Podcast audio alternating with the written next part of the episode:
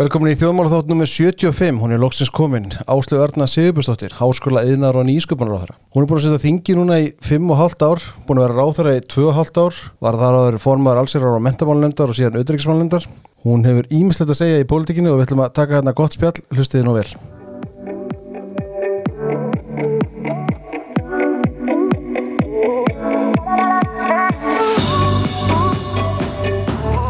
Áslu Örna, velkomin. Takk fyrir, Ég skoði hérna sérstaklega þáttunum með 75 loksins er ég komin. Alltaf löngu komin. Já, ég hefði átt að koma fyrir löngu síðan. Já, En ég meina, svona er þetta bara. betra seint en aldrei. Já, bara svo lengi sem þetta verður ekki á 75 þátt að fresti. Þá hérna þá bara erum við góð. Já, nú hef ég frá svo mörg að segja að. Ég held að við þurfum að taka framhaldsþátt bara áður við byrjum sko. Nákvæmlega. Sko ég hérna, maður hugsa tíðin hérna út af, af sponsótum í þátt- þættinum okkar Rekus, þú ert náttúrulega með nýtt ráðundi og hefur verið að tala um störfan staðsninga Heldur betur, það er nú þá held ég nú Rekus að okkar menn í Rekus ættur að koma sterkir inn með sína aðstöðu. Já, heldur betur, þeir eru talandi fyrir þessu og búandi til aðstöðum all land. Um svona skrifstofu rými fyrir fólk sem vinnur án staðsetningar og þar skrifborð og Já, þessi sveigjanleiki sem við erum að tala fyrir. Við vorum fyrsta ráðniti til að og fyrsta bara ofnbæra stofnunin sko til að taka svona skarið að öll störf væru auglýst með þessum hætti mér finnst bara skammarlegt svona að, að tala fyrir ykkur og svo eru stofnanir og ráðniti að segja að kannski svona eitt, max tvö störf geti verið án staðsningar í COVID sáuðu þetta allir að það getur verið miklu sveigjanlegra og sem þú býrð á segðisfyrði eða Seattle sko, er bara bestast fólkið hvar sem það býr og að nýta krafta allra Íslendinga. Einmitt. Sko ég ætla að koma þess að hérna, ráðunutinu og starfsemi þess hérna á eftir að því að og langar, eins, eins og óspyrjandu var hljómar að fara yfir starfs, hérna, störf einstakar ráðunuta þá er þetta nýtt ráðunuti Já, og þú hefur verið að kynna það starfsemina og, hérna, og við ætlum að fara að séu það eftir. Einn spurning samt áður sko, varandi þetta, varandi störfan starfsninga sko hvernig er það þegar að ráþæri kemur fram með svona, eða að segja nýstárlega hugmynd í stjórnkerfinu og segir bara, herri, ég ætla að auðvitað störf hérna án, án staðsninga Þú veist, eru einhverju þröskuldar, er einhverju sem segir bara nei, við gerum þetta ekki svona? Um, fólk spyr alveg spurninga og kannski ég er stundum svo lítið í því að, að ákveða fyrst hvert ég ætla mér áður en ég finn út í hvernig ég ger það. Um, það er, hefur eins mér ágætlega af því að það er mjög mikilt að hafa mér skýra sín og, og svo stefnað ánga sama hvernig auðvitað eru í mig störf sem eh, myndi vera flækjast talsvært fyrir varandi örgiskerfi og annað að, að setja eh, annar staðar enn í ráðnetinu eins og rítari kannski í ráðherra og eitthvað svona praktísk atriði. Einmitt. um, en það eru auðvitað komið upp spurningar svona varandi tölvubúnað og annað en ég meina við erum og það sem ég hafa búin að þróa í dómsmálráðundinu var auðvitað svona undirbúa það að færa verkefni frá höfuborgsvæðinu sem er hægt að sinna á landsvísu. Uh, annað til að nýta starfsemi og halda uppi þjónustu við um land. Um, og ég sé það bara með sama á ráðunitin að ef ofinbæra stofnanir eins og síslumenn og lauruglembætti geti verið við um landið þá geta ættu einhverju starfsmenn ráðunita að geta það líka. Og að það er bara verkefni okkar að finna síðan út úr því. Við erum með tvo starfsmenn á Akureyri nú þegar um, og einn erlendis þannig að um, og margir hafa líka tekið þessu bara fagnandi og farið þá í tvær vikur og unnið eitthvað annar staða frá. Eru kannski frá einhverju landsvæði og langar að vera þar í eitthvað tíma. Það er bara mikil tækifæri því að halda í gleði starfsfólk og eitthvað þannig sveginleika en þetta eru þetta líka byggðamál. Að nýta krafta fólks og þegar við auglistum tvö störfi í persónuvend norður í landi um, þegar ég var dómsmára á þeirra þá uh, sóttu 140 og það segir allt um þörf vinna á slíkum störfum og sérfræðistörfum um landið allt. Einmitt. og það eru þetta hérna menn þetta alltaf í svona einhvern, einhvern hérna, eða hvað ég að segja þú veist, sko þú nefnir þetta byggða sjónamiðin sko, en fólk þetta stundum í sko byggða pólitíkina, en þetta er ekki menna þú ert þingmar að reykja, það er ekki svo þú veist að færa störfi í þína heimabyggð á Akureyri eða Egilstaði eða. Vestmannegar eða eitthvað sluðis Ég hef bara auðvitað verið líka mjög duglega að ferðast um landið og veit alveg að það er fólk sem vil búa á þessum svæðum sem getur verið mjög mikilvæg starfskraftar í ráðunitum en fyrst og fremst vil ég auðvitað bara setja gott fordæmi og, og lagði upp með það sem við ræðum kannski eftir á ráðunitið að það sægi svona vel á því að það væri stopnað 2022 og væri þess vegna ekki að festast í kreddum eða fordæmum annara ráðunit endilega heldur að horfa á svona hvernig hægt var að gera hlutina með betri og, og bestum hætti og, og þar finnst mér störfanstafsending að vera algjörst svona leikilatriði bara í sveginlegu vinnuumhverfi í dag og kröfum nýra kynsluðar til vinnustæðara síns. komum það eins að ráðanundinu sko, ég hérna fylgdist með útsendingu þarna á um, mánudaginn í síðustu viku þar sem þú varst að kynna starfsemi ráðansins og þar voru hvað, 300 manns ég sá á skjánum að það voru 200 eitthvað að horfa sko, hver fær 500 manns til að horfa á eða kynna sér starfsemi á nýju ráðanetti hvernig, hvernig virkar það? Uh, Hvað er svona spennandi við þetta ráðanetti? Góð spurning. Um, það eru þetta, uppleggi var auðvitað ekki að kynna starfsemi ráðnindis frumvarps til frumvarps eða svona eh, sem eitthvað svona box-ticking verkefnum hvað ég ætlaði mér að gera næstu árum heldur skýri sín, uh, stóra breytingar, stóru áherslunar af hverju ég er að fara í þessa átt og hvernig ég ætla að gera það. Um, og kynnti ráðnættu með held ég þeim hætti sem ekkert ráðnættu hefur verið kynnt áður eh, ekki bara ráðu neitið sjálft heldur sko áherslur mínar innan uh og ég gerði þetta í samstarfi við nýsköpunarvikuna og laði mikið, mikið upp úr því að bjóða fólki sem tengist málefnarsviðunum um, allt frá fólki sem vinnur í nöturíkisveitinni Sertis yfir í fólki í háskólanum og nýskopinu umhverfinu og hérna, fólki þetta í ráðuneytinu sem eru 35 starfsmenn að mér meðþaldri um, en ekki síst bara fólki sem langar að heyra áherslur mínar og þetta, þetta fór langt fram úr væntingum mínum um mætingu. Um, en það var gaman svona og ég, laði, ég er að gera þetta núna af því að mér fannst enginn forsenda fyrir því að gera þetta þegar ég fór þarna inn og, og hérna, leiður áðundi var stopnað um, af því að ég vildi fyrst setjast niður með starfsfólkinu sem hefur sérfæði kunnátt á öllum þessum sviðum mm -hmm. setjast niður með fólki í hinnum ymsu sviðum atvinnlífsins sem tengjast þessum uh, um, málaflokkum og koma mér aðeins að stað með forgangsverkefni og hvernig ég ætla að vinna þau af því að á fyrstu hundra dögunum höfum við komist mjög langt með alls konar uh, mál um, og ég er komið mun skýrari sín um hver fyrstu skrefin eru um, heldur en ég kannski hefði ef ég ætlaði að vita allt best og byrja á því bara fyrstu -huh. dagana uh -huh.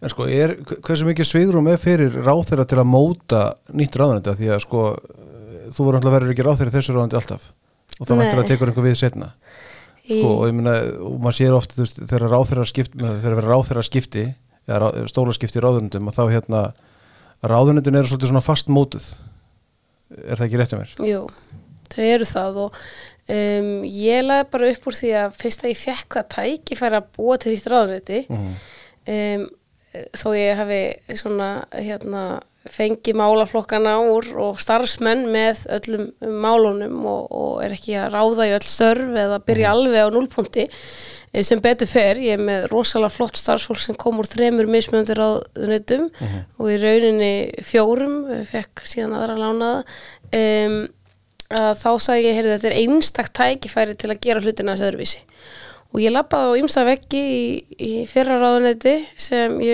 sem þurfti ekkert endilega að vera þarna og mér gafst ekki tími þá til að fara í breytingar en það kem ég inn á miðju kjörtímanbili, kom inn svolítið hlaupandi og vildi láta til mín taka. En núna hugsaði ég, ég get eitt þessum veggjum strax af því að ég fæ þetta tækifæri.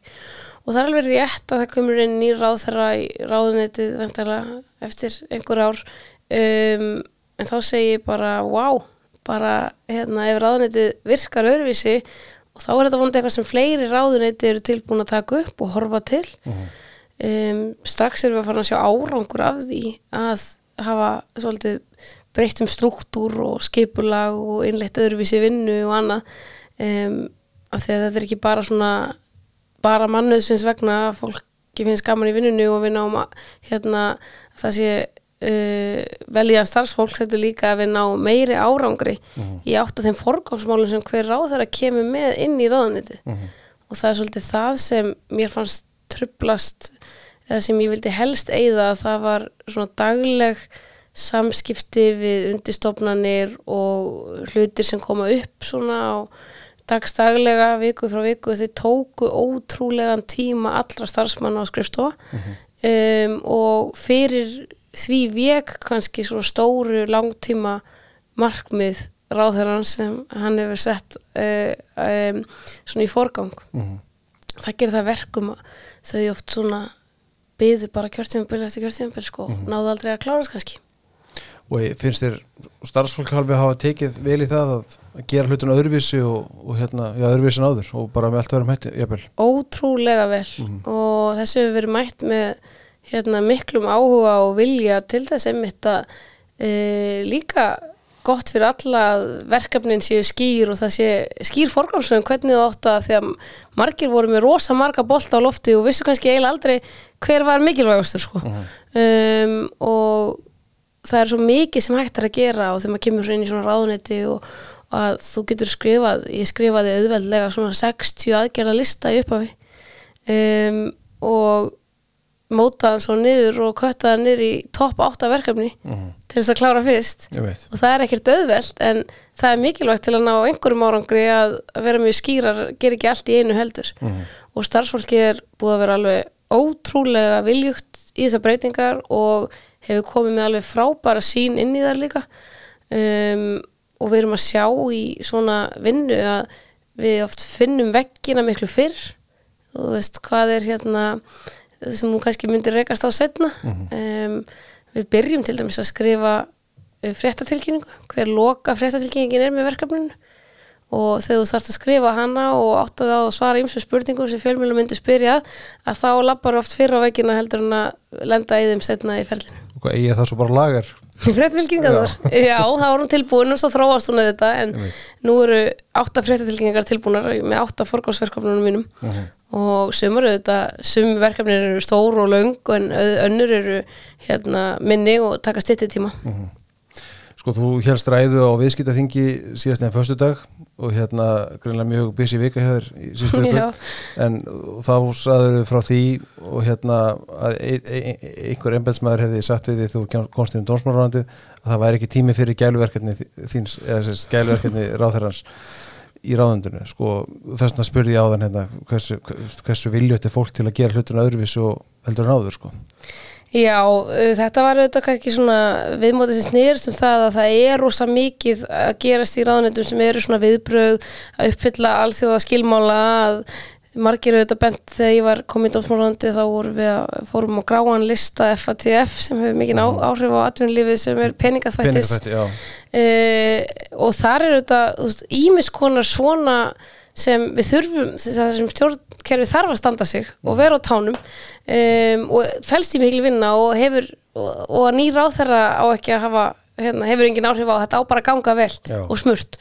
Og þess vegna auðvitað eru mörg ráðunitin eru yfir full af slíkum verkefnum uh, margskonar og þó við séum lítið land og viljum ná ákveðni hagkvæmni í rekstri hins ofinbæra um, sem ég hef mikið áhuga á að þá auðvitað er við samt sem áður að oft uppfylla jafn, mörg skilirði og um, uh, sko hvar sem við lítum hvort sem það er fjöldi málaflokka eða, eða það að vera samkjöfnumstæð verlendis með hinn ímsu samstörf, alþjóða samstörf og þá erum við með jafn mörg og margra miljóna þjóðir. Um, á sama tíma þá notaði ég orði gæluverkefni yfir svona þau tvö gæluverkefni sem ég líti á í mínu ráðaneti núna því að gæluverkefni er ekkert annað en áherslumál veit og það þarf að hafa pláss fyrir þau og þess vegna er ég líka að breyta þessu og reyna að láta þau ekki trublast eins mikið af þeim svona uh, skuldbindingum sem við þurfum að uppfylla og, og, og stjórnsýslu og fjármálum sem þurfa að vera uh, góð og til staðar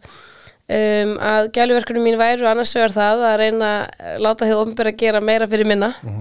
Um, og það að íta undir krafta atvinnulífsins um, af því að uh, mér finnst uh, ráðunetti mitt það snýst í rauninni bara um einstaklinga og lífskjör og að geta bætt lífskjör til lengri tíma hér á Íslandi og haldi þeim með þeim bestu í heimi þrátt fyrir þær áskorunir sem okkur mæta og þar er nýsköpunarráðunitið sem er svona, ég kalla stundum framtíðarráðunitið eða hugvitsráðunitið og, og maður hefur fengið hérna uh, algjör líkil fórsenda þess að svona tryggja lífsgæði til frambúðar og það að ríkið og hefur ofnbæra geti gert hluti með hagkvæmari hætti heldur en í dag.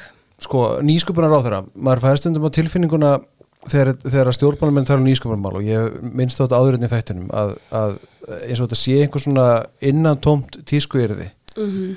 og, og ég efast ekki um að þú hefur örugglega upplifað það einhvern tímann líka mm veist, að, og stjórnmálamenn eiga auðvitað til og jafnvel empatsmenn líka að tala með einhver, einhverjum frösum um það hvað, hvað verða skal einhvern tímann, einhvern tímann. Er þetta svona, er þetta raungu upplifun hjá mér eða hvernig, þú veist hvernig eru stjórnmálin að meta nýsköpunar bara heiminn Ég held alveg að eitthvað sé til í svona upplifum fólks af þessu um, og það er svona svolítið sem maður er búin að reyna að útskýra og var að reyna að setja í samhengi, stærra samhengi hvað þetta er eiginlega í síðustu viku í bæði ræðuminni í viðskiptaráði og viðskiptaþingi og kynningunni á ráðnetinu og áherslumáli mínum að jú, jú, nýsköpun er svona tísku orð og því er oft slengt fram við alls konar þróun og annað sem er í gangi sem kannski er ekkert mikil nýsköpun. En hvað er það í raun sko? Uh, nýsköpun og umhverfu okkar uh, ef það er gott og um, að þá erum við að íta undir hugmyndir fólks og einstaklinga í landinu og fyrirtæki sem eru með hugmyndir og vilja þróa áfram til að finna nýjar lausnir um, eða nýjar lausnir eða að breyta hlutum og gera þá hagkvæmari um, svara áskorunum í loftlagsmálum eða uh, hagkvæmni í heilbreyðismálum eða um, bara nýtingu á fiski og, og svo margt. Og við erum að íta undir hugmyndirnar með nýsköpunum umhverjum okkar og íta og lifta einstaklingum með hugmyndir. Og mörg þeirra munu fljúa svo hátt að þau borga okkur margfald tilbaka mm nýjasta dæmið eru þetta bara kontrolant sem allir Íslendingar eru allt í unni farnir að þekkja sem segja við höfum aldrei verið á þessum stað og þróast út í það úr því að vera sko ætluðu sér að vera fiskfristi hérna lausn einhver, hérna kæli lausn yfir í það að vera lausn sem dreifir Pfizer bóluefnum um allan heim um, nema með stuðningi íslenska nýsköpunum umhverfisins og hvað er þetta? Þetta er auðvitað í heildina séð mjög mikilvæg stóð í íslensku efnahagslífi. Ef við náum að styðja undir það að við getum gert þetta meiri útflutningsgrein. Og það er auðvitað þannig að við þekkjum þessar atvinnugreinar sem eru bæði bundnar við takmarkaða auðlind um, en líka utanakomandi aðstæður sem við ráðum illa við, hvort sem það er þegar Lónan mætti ekki á svæðið eða ferðamennir ekki út af heimsfaraldri og annað. Þetta eru bæða útflutningsgreinar sem hafa á tímabili náði við 40% af útflutningstekjum okkar. Og þá voru höggi á lífskeiðin svo mikið og fyrir hvað eigum við að hérna, byggja á lífskeið okkar og kerfin sem hefur ofnbæra borga fyrir ef ekki er sterkari stóð. Sýnin mín ráðnitunu sem er að líkillina bættum lífskeiðum og fleiri tækifærum hérlendis eru, er að hugviti verið stærsta útflutningsgrein þjóðarinnar þetta er auðvitað svona stærri sín sem að sér fyrir sér til lengri tíma til næst ekki á þessu kjörtjumabili en já ekki heldur einungis við að þetta verði ein sterk stóð sem þetta eru auðvitað að verða og hefur tvöfaldast bara núna síðan 2013 í útflutningstekjum. Heldur líka að þetta lifti undir aðrar og nái meiri út úr öðrum. Og það eru auðvitað þannig að áskoranir annar að greina í svo mörgum munu og myndi ekki ná að svara þeim eða verða við þeim nema að nýta hugvitið og rannsóknar og þróun með meiri hætti. þannig að það sé hægt að gera þá til dæmis sjáarafurður verðmættar heldur en það er í dag með, Já, með nýsköpun, svo dæmis þetta ekki Það, þar við verið bara uh, á heimsmæli hvarða. Við erum að nýta 90% af hvítfiski sem áður borðum við bara flökin. Einmitt. Nú eru verðmæti úr þessu lif og plástrar og tísku vörur og lísi og hérna ýmsu vörur úr 90% af fiskinum. Og þannig erum við að skapa aukin verðmæti, arbærari sjávarútveg og hagkvæmari um, og auka útflutnistekjur okkar. Og þetta á auðvitað við um allar atvinnugreinar og tækifærin þar. Um, þannig að nýsköpun vissulega hefur fengið á sig að vera svona einhvers konar tísku orð en þegar við horfum á lífskeið okkar og lífskjör til lengri tíma áskoranina sem eru víða, uh, við þurfum ekki nema að horfa á heilbreyðiskerfið og, og rekstur þess og þróun til næstu 15-20 ára uh, að við getum ekki gert þetta án þess að íta undir nýsköpun í hinu ofnbæra kerfi. Útskýru það eins betur Já, um, við getum skoðað skýslum að kynsi um bara þróun útgelda til heilbriðis kerfisins um, vegna öldrunar þjóðarinnar og ímessa áskorana og aukin livjakostnas og fleiri að þá mun uh, að óbreyttu uh, útgjöld til heilbriðis kerfisins aukast eða bara landsbytalans til dæmis aukast um 90% um, það eru 70 miljardar uh, til viðbótar sem er meira en tekjuskattur til dæmis allra fyrirtækja á Íslandi um, en ekki bara útgjöldin að uh, næstunni tvöfaldast heldur munu, munu við þurfa 45% fleiri starfsmenn.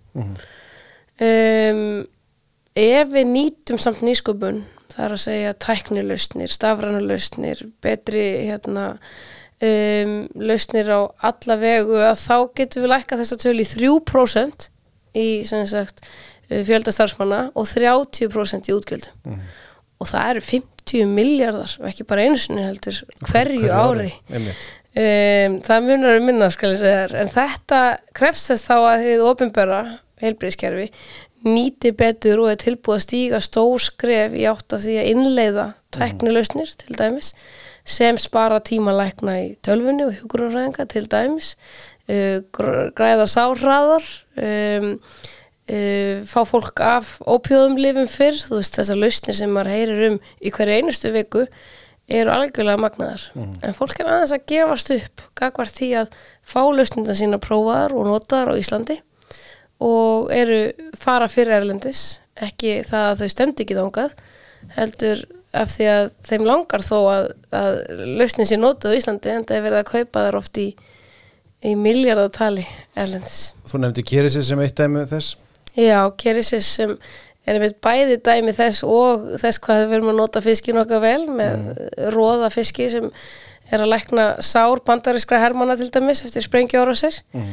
um, veltan er orðin gríðarleg þetta er nýskupuna fyrirtæki frá Ísafyrði sem flestir ættu nú að þekkja um, og segir að nýskupuna umhverju á Íslandi hafi verið gríðarlega gott og mikilvægt fyrir þau til að vaksa og við erum, við höfum fjárfest gríðarlega í þessu ef við skoðum hvaða sjóði þau hafa leitað í gegnum tíðina, hvað þau hafa fengið og opið fyrir í nýskupinu umhverjum okkar sem er einmitt til að íta svona lausnum á stað sem borgar sér svo margkvælt tilbaka eins og þetta fyrirtæki er svo sannlega gert. En ætlum við að segja að það sé nóg að þau borga okkur tilbaka í skattekjum og útflutningstekjum sem þau sannlega gera með fjölda starfsmanna hérlendis og um, eða ætlum við að nýta líka lausnina þeirra fyrir Íslands kerfi til að gera það hafkamara og spara þar líka fjármunni sem er við erum ekki að gera. sem við erum ekki að gera. Og það eru einstaka aðilar að nota vöruna þeirra hér en ekki í miklu mæli. Um, varða þeirra vissulega dýrari en plast, plástrar og hefðbundnar umbúðir. Um, en hún lætur hlutina uh, virka og gróa miklu hraðar og það er það sem kannski vantar upp, í, upp á er að uh, reikni svona formúlunar og, og, og hið opinbera hvernig og það hefur svona verið áskorun að kannski spara landsbítalinn það að um, ef kerisins plástur væri notaðar á hjúkurunarheimili til dæmis á legusár einmitt. um, að þar væri hægt að koma, hér, koma sjá aðgerð vegna þeirra lausna um, landsbítalinn sparar á því og þess vegna kannski hjúkurunarheimilið ekki eða fjármun í því að því að þau, þau, þetta kostar meira fyrir þau þannig að það er að skoða þetta í svona stærra samengi Já, og líka í samhenginu ef þú myndir nota þetta inn á spítalunum uh, þó að það sé dýrara hvað sparar á því að losna við sjúklingin nokkrum vikum fyrr. mm -hmm. Það er líka uh, reiknilíkan sem við verðum að fara að taka inn í myndina og, og Guðmundur Fórstjóri Kersins hefur verið að útskýra núna síðustu daga uh, eftir þessar ábendingar mínar. En hvað gera stjórnmálamenn til að efla nýsköpuna? Því að sko þú, þú, talar eins og að þurfi að fleiri ríkistyrki og hérna, fleiri sjóði er það eina lustin sem að Nei, nei, það er ein af lausnunum. En það er að vera samkeppnisæf þar. Við viljum vera samkeppnisæf við önnur lönd svo að fyrirtæki velji okkur. Velja að vera hér, velja að stækka hér en líka erlend fyrirtæki komi hingað.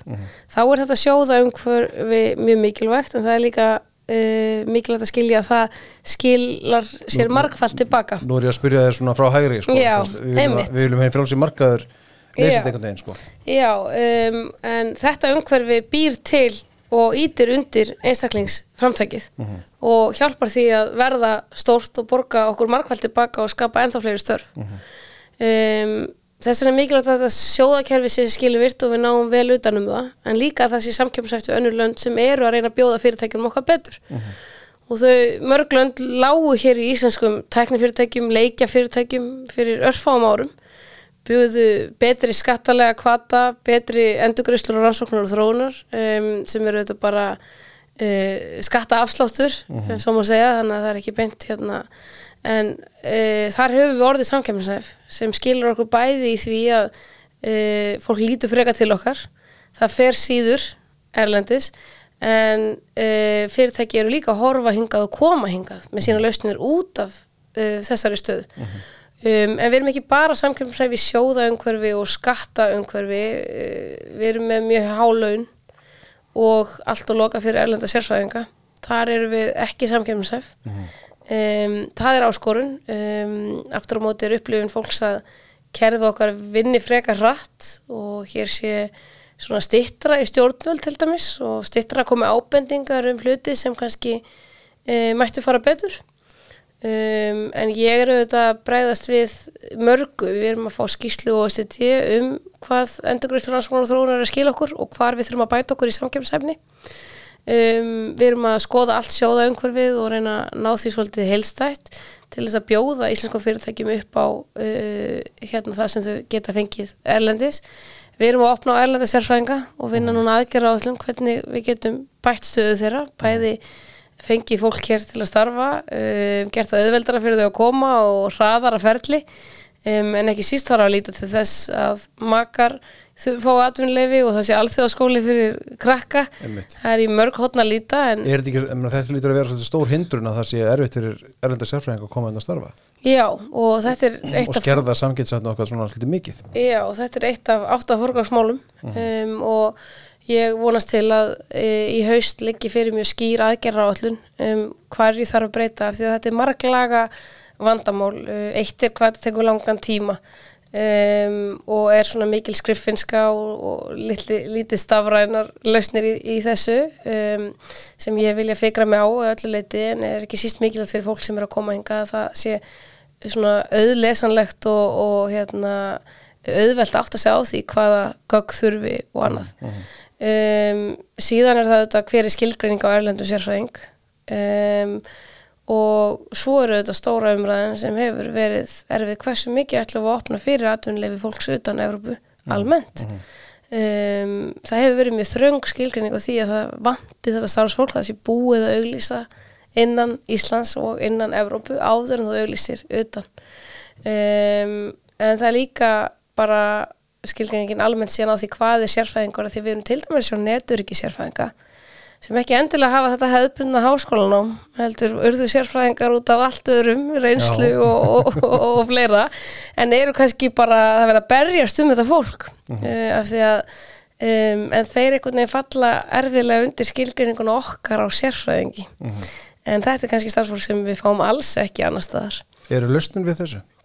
Já, það eru lausnir við þessu öllu. Um, það er spurning hvað fólk er til að ganga langt. Ég ætla að koma með svona mínar tillögur inn í þetta. Þegar þú segir fólk, þá meina hann bara stjórnmálamenn já, þá meina ég sjóðmálumenn. Um, það hefur auðvitað verið umræða svona í gegnum árin hjá verkalýsfélagunum líka, hversu mikið á að opna fyrir elin starfsfólk. um, varðandi auðvitað líka síðan launakjör og annað en ef við getum búið til einhverja hraðbraut fólk sem fyrirtækin skuldbinda sig gagvart að þau séu með ákveðin laun sem eru þá ekki undirbóð um, og eru erlendi sérfræðingar þá væri það svona hraðleið.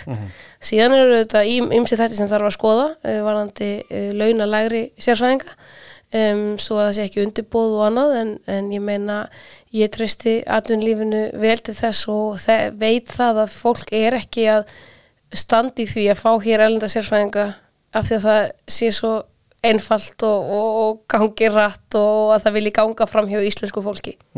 Það er ekki þannig. Og þau væru ekki að leggja þetta á sig um, sem er mikil skriffinska og kostnaðasamara fyrir fyrirtæki oft á tíðum. um, he- einungis eh, þau eru að gera það af því að þeim það sáru vantar. Og listin frá fyrirtækjum uh, af störfum sem vantar í núna er óendanlega flókin og fjölbreyttur. Þetta eru störf sem bara vantar í núna og maður getur bara ímyndað sér hvernig þetta mun þróast á næstu árum. Og það kemur þá inn í e, hitt forgangsverkefni sem er varðandi háskóla fyrir samfélagið, hvað eru við að gera? Hvað, hver eru tólra á þeirra til þess að fjölga í þessum til dæmis stímgreinum vísinda, verkfræði, tölvunafræði, starffræði, listagreinum, þú veist þessum sem er, það er endalist þörf á grafiskum hönnuðum og tekniteiknurum og, og þörungasérfræðingum og sjón brellufræðingum og forriturum alls konar og, og hérna efnasérfræðingum og ég veit ekki hvað og hvað sem bara fást ekki á Íslandi. Og En ég þú lærir sumt að þessu ekki svo glatt á Íslandi? Sumt lærir ekki. Um, en annað lærir og getur, getur lært og bætt síðan við þig ymslegt hérna ofan á það síðan erlendis. En þetta er auðvitað áskorun að ef við ætlum líka að vera samkjöfnisæfa þá vantar okkur almennt bara fleiri verkfræðinga og, og fólk sem fer í vísindagreinar. Já, þá spyrir nú bara beint út þú verandi ráðherra háskólamála eru háskólanir bara nógu góðir? Já, á mörgu leiti í ýmsum samanbyrðum þá stöndum við mjög vel mm. háskólan ámið okkar, rannsóknarstarf og annað. En það er svona spurningum áherslu og forgangsröðun. Sjálf, skólanir eru auðvitað sjálfstæðir en tólið sem maður hefur er fjármögnunar líkanið og ýmsir kvatar til þess að uh, hérna svona ekki segja stýra kannski en hérna að bjóða fram hjá svona ákveðnar lausnir sem háskólinni getur gripið eitt er líka auki samstarf háskólana að bjóða upp á meira af góðu námi í þessum greinum víðar um landið til dæmis. Um, og það snýst allt um það að meiga ræða og þóra ræða það að háskólin er ekki til fyrir sjálf og sig, hann er til fyrir samfélagið. Og þá erum við ekki að tala bara að menta nákvæmlega inn í það sem þarf í dag heldur til lengri tíma og það er breytingar sem er að vera á samfélaginu. Já, það viðhóru er ekkert sjálf gefið sko, hérna, en það er sko þá mætti líka að spyrja sko, eru, eru, eru háskólanir eða háskólasamfélagið, við setjum það bara undir einn hatt og atvinnulífið að tala nóg mikið saman er, er, er eitthvað samstarfan að milli? Það er ætti konar það að vera? Ég held að samstarfið hafi aukið sundar fyrir ára það ætti að vera miklu meira. Mhm. það ætti að vera miklu meira samtalum upplifin fólks af sérfræðingu sem eru að koma úr skólan hvaða vantar, hvaða hæfni vantar um, hvaða hæfni er að koma mjög vel frá skólanum og svo framvegis. Um, en það sýnir sig bara á skýrslu, til dæmis MIT að við erum mjög góð í, í rannsóknum og erum mjög öflut rannsóknastarf og vísinda fólk og svo erum við með mikla frumkvölu hugsun og mörg fyrirtæki sem við stofnum svona per capita. En tengingin þarna á milli að nýta rannsóknur og vísindi til verðmættisköpunar er ekki nógu góð. Og þarna eru þetta um, ýmsir að svona reyna að leita lausna á að búa til þessa brú um, þarna er líka mikilvægt að sækja um engaleifi og fjölga þeim. Um, hvatin er kannski líka rangur í, í launastruktúr þeirra að hann sé bara til rítrinda fræðigreina en ekki til að sækja um engaleifi fyrir kannski hérna hugmyndina þeirna um, sem auðvitað vendar hann og getur þá skapa verðmætti setna meir þó að þú látir hann í hendi einhvers annars sko. Að því svo getur vantilega heldur ekki gengið að, að háskólanir séu og þá er nú kannski sérstaklega að horfa á Ríkisháskólan Háskóla Íslands að sko, með fullur virðingu fyrir þeir, þeim, þeirri kennslu sem það fyrir fram og, og þeim sem útskriðast þaðan að sko háskólinn getur ekki verið í því að framlega bara fleiri ríkistærsmenn til lengri tíma sko, það hlýtur að þurfa að vera einhvern veginn meiri tengsla milli atvinnlýsins og, og háskólana yfir höfuð. Og þannig er auðvitað bara mjög velt að skoða atvinnuleysi háskólamentaðara Mhm. um, þar sem við sjáum að viðskipta fræðingar hafa haldiðst í 20-25% af atvinnulausum háskólamentiðum Mhm. uh, allt frá hrunni og ef ekki aðeins fyrir hrun jú, uh, þau tóku við bara árið 2000 uh, sem svo stjætt sem er uh, mest atvinnulaus, þetta er auðvitað út af því að flestir sækjum í þetta nám.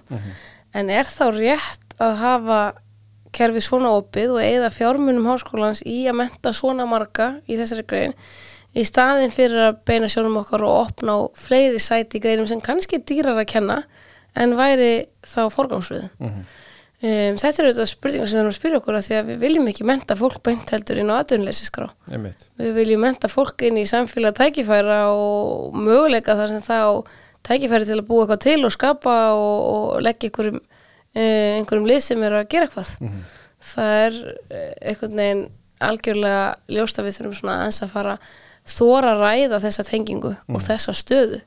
Af því að ég held að það hefur komið mörgum á óvart að uh, atvinnleysi meir sér lögfræðmentaðara eða sagfræðinga eða list þeir sem eru með skapandi háskólanum á bakinu þau eru ekki í þessum tölum í, í atvinnleysi háskólamentaðara langt í frá En í þessari nýju ráþæraskipan þá er þetta búið að aðskilja háskóla frá grunnskólum og framhaldsskólum. Sko, gengur það upp? Er það, svo ég varpið því bara fram? Það er gert í langflestum löndum um, auðvitað samanskap eru hérna flest lönd með fleiri ráðar en við en hérna og ennþá meiri skiptingu um, en á sama tíma þá held ég að stjórnkerfi okkar ætti almennt að verða sveigjanlegra. Að við getum eftir áherslum hverju sinni og hvaða að sett saman málaflokka þar sem við þurfum meiri dýnamík og að ná betri árangri. Uh, mér fannst þessi ríkistjórn gera það mjög skýrt að heyrðu, við þurfum að tengja háskólan betur inn í samfélagið við nýsköpunina, við hlutina sem eru að gera sér í, í, í þessum hugverka innaði um, og að tengingin inn í grunnskólana hún er önnu, við erum að lifta háskólanum aðeins upp en við erum líka að taka meira samtal og gefa það meira vægi sem við þurfum á að halda að mínum að um, það þarf að vera gott samstarf millir beggja mentamálar herrana auðvitað, eða er auðvitað ímislegt sem maður vil beina niður í grunnskólana og framhaldsskólana til þess að auka til dæmis áhuga á yðn og Já, tæknumentum það er einmitt ástæðan fyrir ég spyr sko, hérna- þú vilt vantilega auka áhuga sko, batna á, á þessum greinum sko. Já, það getur auðvitað verið átagsverkefni og samhældverkefni okkar og það er uh, mikið áherslu málmitt að það sé þessi störf séu kynnt fyrir börnum sem eru svona 8-10 ára. Af því að það er þá sem hugur þeirra byrjar að mótast yfir störfum framtíðarinnar. Og við erum að sjá að 15 ára krakkar á Íslandi eru talsveit eftir á uh, krökkum í kringum sig gagvar því að vera opinn fyrir fjölbreyttari störfum, störfum framtíðar, störfum sem er ekki til og störfum sem er ekki endilega kannski bara í fjölskyldunni eða þínu nærumhverfi. Og þetta er verkefni sem ég hef mikinn huga á að, að fara í smá átaki með atvinnulífinu og tengja betur atvinnulífið inn í skólana til lengri tíma af því að við þurfum að fjölga þessum nemum inn í háskólakerfinu. Og það verður bara spennandi en mér finnst svona áherslur og breytingarnar á, á um, ráðuneytunum eiga ekki komið veg fyrir svona verkefni. Það ætla eitthvað að meina leðilega spurningu Já, sem þú eru ekki ána með. En sko, hversu alvarlega er ykkur með sko, að því að nú, nú er ég að horfa til þess að þessi ríkistjón sem þú situr í hérna, sem sati auðvitað síðasta kjörtempil líka til dæmis læði steini gótu erlendra, erlendra fjárfestinga hérna á landi og hérna þeir sem vildu kaupa hér til dæmis jarðir. Sko, ok, það er einn ángi málsins en, en spurningin þessi sko, hversu alvarlega, er ykkur með það að fá inn erlenda, erlend fyrirtæki, erlenda fjárfesta og bara stunda alþjóðlega viðskipti yfir höfuð Já, þessi lögjöf gekk ólánt og ég hef reynt að vinda ofan af henni og, og þá koma uh, frumvarp um, sem ég man ekki hvort sé búið að mæla fyrir í þingjunu eða ekki þar sem það er allt stopp um, sem á aðeins að létta á þessu líka. Um, gekk allt og langt varðandi bara eignir og fastegnir til dæmis um, en skapaðist þetta út af einhverju umræðum einn erlendan Já, já, uh, mann sem hérna um, ég held að það þurfa að vinda ofan að þessu af því að okkur er alvara og fólk sér hvað það er mikilvægt fyrir okkur. Mér finnst svo sem Íslendingar stundum svo litið svona uh, narrow-minded eða þröngsýnir gagvart uh, um, því sem erlendir aðalega koma með hér og skilja eftir. Uh, það veði stundum einskorast bara við einhverja aðstóð sem við getum veitt erlendur ríkisborgurum uh, en ekki þau tækifæri sem erlendur ríkisborgar geta komið með hingað hvort sem það er í formi fjárfesta, fyrirtækja, starfsmanna uh, eða Þekkingar. menningar einmitt sko bara þú veist mat, matur og menning og bara hérna endalust það sem maður getur skilið eftir sig að það kemur hér og starfa sérfræðingur í einhverju sem við fáir kunna og skilur eftir sig þekkingu fyrir einhvern annan og, og jafnvel kemur og kennir hér og svo framveg sko. þetta er auðvitað endalust og maður getur talað upp endalust og mér finnst við aðeins þurfa að horfa á tækifæri uh, alþjóðarsamfélagsins sko inn til okkar uh, sem meira tækifæri heldur en svona um, nú fór maður að sletta mikið ég er allavega ekki íslensku málar á þeirra hérna, sem svona barrier sem, sem eitthvað svona einhver þröskuldur í Já, að þetta sé hérna, um, við eigum að horfa á þetta sem tækifæri og, þetta, og það er bara þannig að okkur vantar fólk sko. en okkur vantar líka fleiri stóðir og við þurfum að standa undir þeim lífskjörum sem við ætlum að bjóða hér á Íslandi til lengri tíma. Og það gerir ekki því ofinbera með því að stækka sko. það gerir einmitt því ofinbera með því að reka hér skinsamlega stefnu sem felst í því að einfalda regluverk en ekki flækja það, sem felst í því að lækka skatta en ekki hækka þá, sem felst í því að gera hluti þannig að við séum samkjöfnsæði við önnur lönd.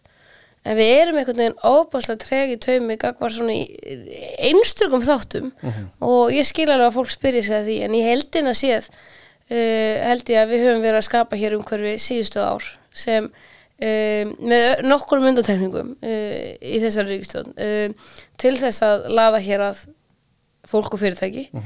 Og það er gaman að tala við sérfræðingur á bandaríkjunum í þörungarektun sem var að velja Ísland sem fyrirtæki, þessi land til að sto- st- stofna sér fyrirtæki. Já.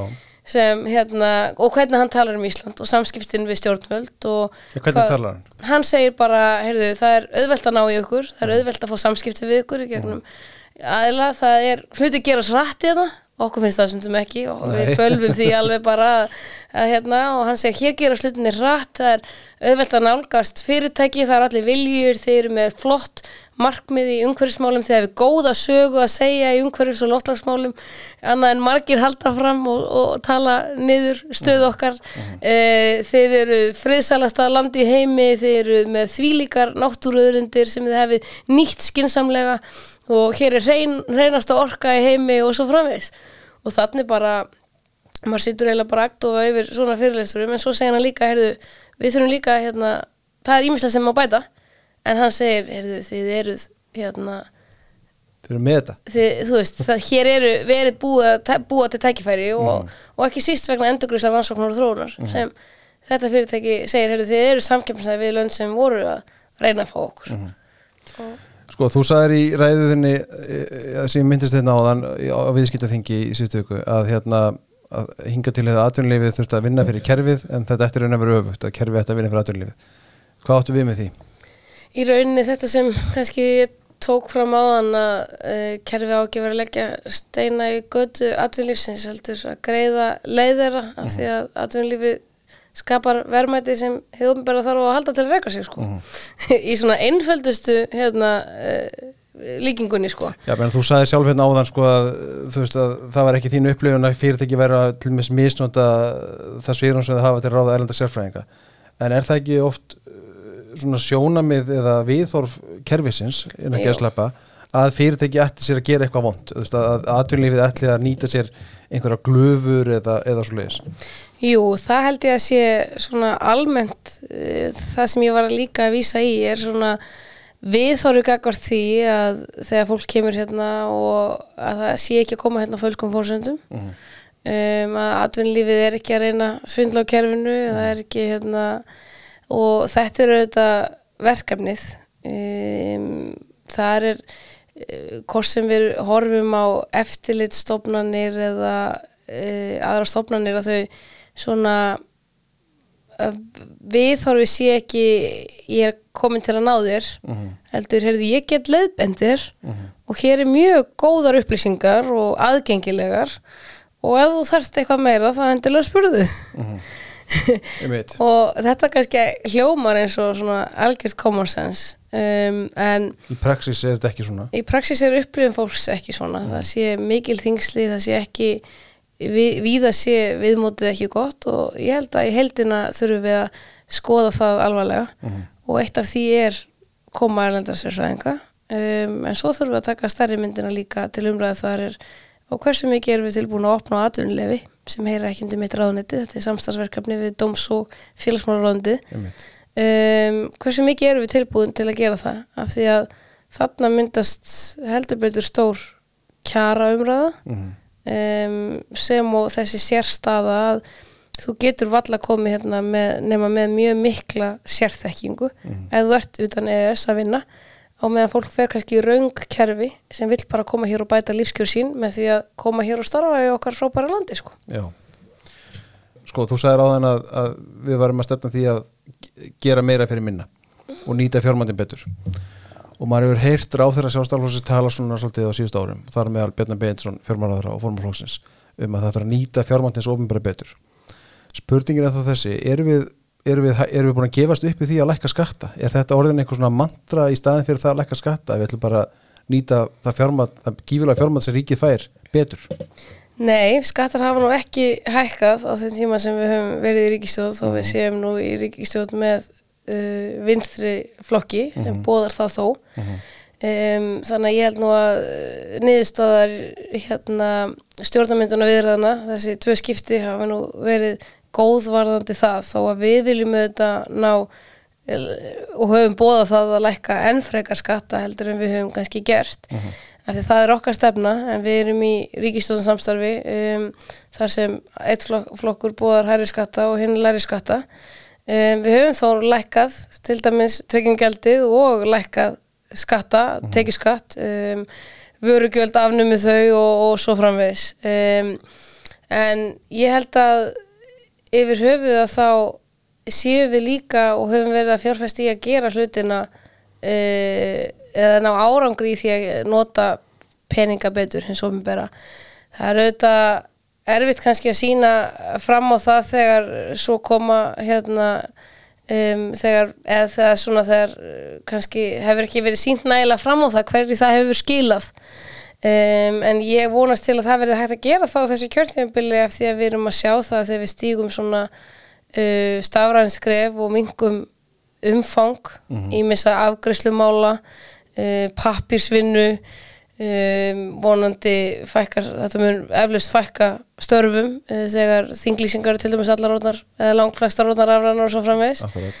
um, að þá náum við svona árangri í ríkisrekstrinum og grunninum en það sem við var að etja var bara hver einasta stofnum var með sitt kerfi, hver einasta stofnum var með sitt spjallfórit og að fjárfesta í hérna einhverjum sínum tæknin við um hagkvæmnin var lítil uh, ríkis hérna eignir og um, ríkiskaup já, hafa stíð mjög stór skref í að gera þetta hagkvæmara fyrir hérna og horfa á stærri myndina. Um, og ég vonast til þess að gögnins ofinbera og, og almenn svona mælikvarðar verði líka betri svo við getum tekið betri ákvarðanir. Og það er kannski það sem hefur komið ymsum ráðurum sem setjast í stóla óvart að það er svona vöndun á betri greiningum og gögnum til að geta einmitt sagt, heyrðu þetta er, hérna er sóun. Og að taka svolítið svona, heyrðu, býtu, hvar getum við nýtt fjármunni betur sko? Einmitt. og það er ósað erfitt að taka ákvarðin til dæmis um fjármjörna líkan háskóluna hvernig ég get forgangsraða þar betur, nýtt fjármunni betur af því það hefur verið frist í hvað sjö ára eða eitthvað. Og engin, engin að taka nýja ákvarðin og af hverju, jú, af því að tölvurnar liggja eiginlega ekki fyrir sko og það er erfitt að vera ráðherra í þeirri stöðu. Að Vantar ætla- bara upplýsingar til að gera, geta gert hlutur það er eitt galli á kerfinu um, sem er verið að reyna að vinna að og við erum að vinna að að bæta en, um, en það er fróðlegt af hverju þegar maður skoðar svona heldina auðvitað, um, af hverju það er og hvernig við getum þá sínt bera fram á það að þeirðu þarna eitthvað skilaði árangri sko. til dæmis að þessari stafrænu vegferð við erum komin í top 7 eða eitthvað af lista landana í að vera hérna, hefur umberra að bjóða upp á stafrænu lausnir. Og við erum að bjóða rútana Reykjavíkuborg sem ræður alla sérfræðingarna til sín. Um, þannig eru lausnir sem munu og ættu að skila okkur bæði bættið þjónust og einfaldari hraðari sem atvinnlífið og einstaklingar eru sífælt að byggjum að við séum ennþá skilvirkari um, en líka því að við getum sparað pening og gert um, meira fyrir minna. Já, já, sem er auðvitað frábært og, og, og það var nú ekki ætlun að gera lítið úr því að því að eins og staðarand Íslandi er náttúrulega bara verkefni sem er að hefnast mjög vel og hérna er að ná fram auðvitað gífurlir hérna sparnaði í ríkisvæstunum og einfalda líf fólk sem er nú líka markmiðið.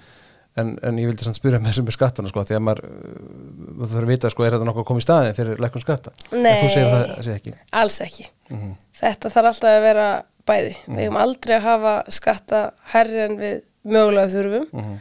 Um, auðvitað þurfum við að taka umræðu um það fyrir hvað stendur hérna tryggingagjaldið. Er það að borga það sem það átt að vera að borga í upphafi? Er það nóg, eigum við að hugsa hlutin öðruvísi, hvernig getum við gert þannig að fólki finnist og við síum samkjöfnsæfi við önnu löndur kemur að skattaumhverfi? Um, og með hvað við erum að borga og hvað hlutinir síðan kostar sko. Fyrir hérna, þjónustankost en það er mentakerfið eða helbriðiskerfið eða þessi stóru uh, kerfi sem ríkið rekur. En þar snýst líka svolítið um að það þóra forgangsraða. Og það, að, það þarf ekki alltaf að byggja nýjan penning fyrir hlutunum en væri ekki sniðut að hætta að gera eitthvað. Og þegar ég er að reyna að útskýra svona hægri stefnu og hvernig hún er byrtið sér á Íslandi og, og hver forgangsröðun ætti að reyna að vera um, að þá finnst mér hún svona það er hægt að setja hann upp í mjög einfalda mynd. Að við erum að reyka svona ákveðin grunnkerfi sem við ætlum að gera vel um, en við verðum líka að þóra að hægt að gera eitthvað annað.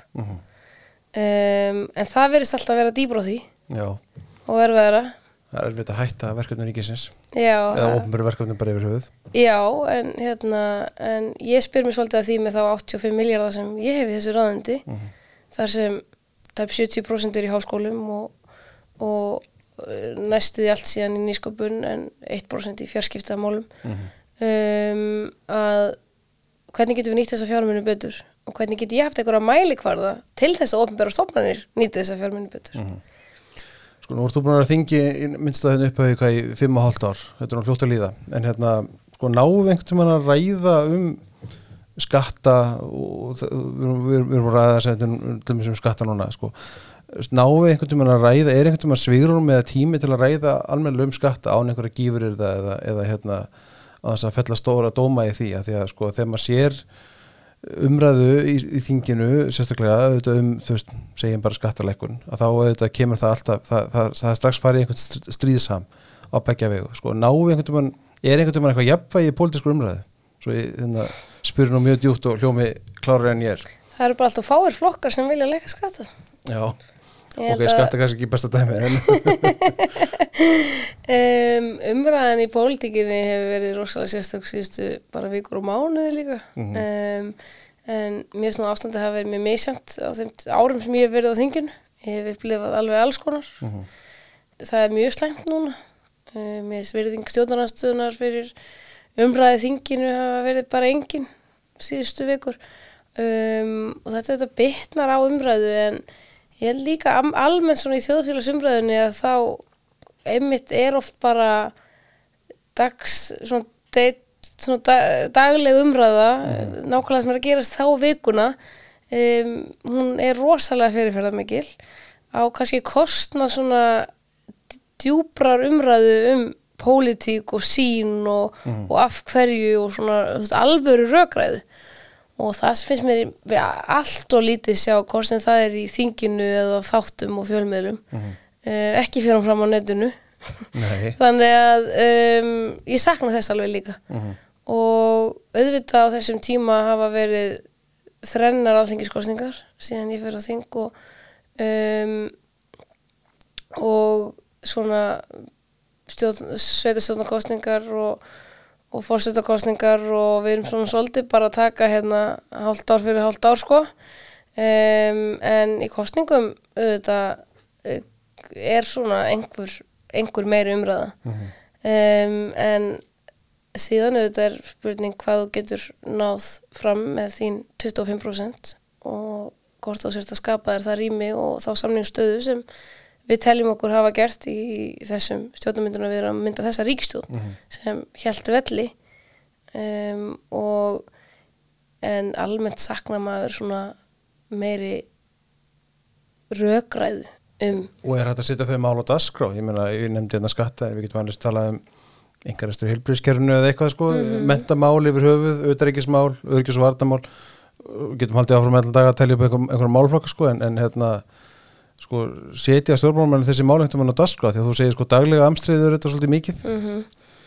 Ég held að þeir reynu oft um, og stundum virðist einhvern veginn þú færð ekki málefnilega umræðu um þessi mál nema að kasta boltanum mjög langt í hodnið þannig að þú gerir einhverja brjálaða og þá skapast já. og það er oft eitthvað sem hérna, þarf þá bara að gera. Uh, það er svona þessi sjokk faktor sem virðist bara virka í umræðu hér á Íslandi. Um, hvort sem eða þessir málflokkar sem þú ræðir eða málefnu útlendinga þannig að það virðist bara umræðan hverfist alltaf um einstök mál en ekki kerfið í heilsinni þannig að það er ég er ekki með lausnin á því. Um, en þetta er bara hárrétt og ég held að það sé svona almennt líka kannski stundum upplifum mín af þinginu að það er alltaf mesti áhugin af því að fjölmjölar flytja mestu fréttir af því þegar það er verið að agnóst út í einstök mál sem eru uppi þessa vikuna. Um, en lítil umræða á dýftina um svona þessa stóru málflokka og, og svona stóru sín sem maður er að reyna að vinna eftir og virkilega að reyna að koma út að skrá og, og ég reyndi nú að hérna, ræða þau eins og að kynna, mína sín að ræða svolítið svona á almennum nótum og af hérna, dýft um þessa málaflokka. Og af hverju það væri mikilvægir, hverju það væri skila og af hverju ég hefði þessa sín í þeim. Um, áhugðu fjölmjöl og því var svona ekkert sérstakur Já, já, en en 500 mann sem mættu Já, já, einmitt og það er náttúrulega bara ég meina það, það, það þegar að menn tala í fyrirsögnum með einhverju gífurðum um aðra stjórnmálmenn eða um einhver málefni þá er þetta rata það frekar í fjölmila það er bara þannig, því miður. Að sjálfsögðu og það gerir það en, en hérna, ég, maður er svona hrætt, maður hræðist aðeins þróun stjórnmála umræðu í Íslandi. Um, að hún verði bara of yfirborskjönd um, það er einhvern veginn kannski auðvelt þegar allt gengur líka bara svona ágætlega og kannski er það bara út af því. Í lengri tíma hefur gengið bara þokkalega vel. Það er frekar mikið sátt um þessa sérstöku ríkistjórn sem er myndið af þremur ólíkum flokkum. Um, lífskjör og bara, veist vextir hafa verið lágir, verðbólga lítil og, og búin að ná árangri að greiða niður skuldir farið í gegnum heimsfaraldur svona þokkalega vel. Uh, ég meina bara það er kannski líka einhver útskýring. Um, núna Nú, mun, nú á. Nú reynir á. Verðbólgan orðin há og nú er staðan að þess að breytast og er að koma raunverulega áskorun en þú ert að koma úr umhverfi þar sem allir hafa samt talað um eins og það hafi verið í bál og brand hérna allan seiman sko. sem það hefur heldur betur ekki verið og fólk mun finna fyrir því núna. Þegar það verður einmitt ekki þannig. Einmitt. Og þá velti maður fyrir sér veist, þetta er svolítið úlfur úlfur. Það er búið svolítið að kalla út þegar einmitt staðan var kannski ekki þannig. Að hún væri miklu verið hér í efnaðismálum og lífskjörum og kaupmætti og svo framvegs og hagvexti og svo framvegs sko. Já, já, Þú veist, þegar fólk horfði bara á tölur á stöðunni þá var hún, hefur verið mjög góð til lengri tíma. Mhm. um, en nú er hlutin er aldrei að breytast og við erum að fara inn í tímabil sem verður mikil áskorun. En þá veltum maður fyrir sér hversu gífur er þinn, hversu mikla merkingu þau hafa af því að þau verða eflust þau sömu og þegar allt var í blóma. Hvernig gengur þetta ríkistunarsamstarf? Fríkja ólíkar flokka eins og nefndir. Það hefur gengið ótrúlega vel. Það er auðvitað áskorun Þú myndir náttúrulega aldrei segja neitt annað en vitali. Eh, en svo það maður ekki annað en að benda á flokkana í stjórnarnastuðu og, og spyrja er einhver af þeim samstarfshæfur starfshæfur í ríkistjórn ég sé það illa fyrir mér Nei, um, það er umræðinu þinginu og, og viðhortið þingsins og málefnilegur umræðu og bara hvað þau hafa stoppað mál í marga mánuði núna. Um, og ég held einhvern veginn að þessir flokkar þeir bera virðingu fyrir því að hafa uh, haldið eftir fjögur ár um, haldið meirhlutanum um, myndað nýja ríkistjórn þar sem var aðeins stokkað upp í og, og hérna, búin til nýr sáttmáli.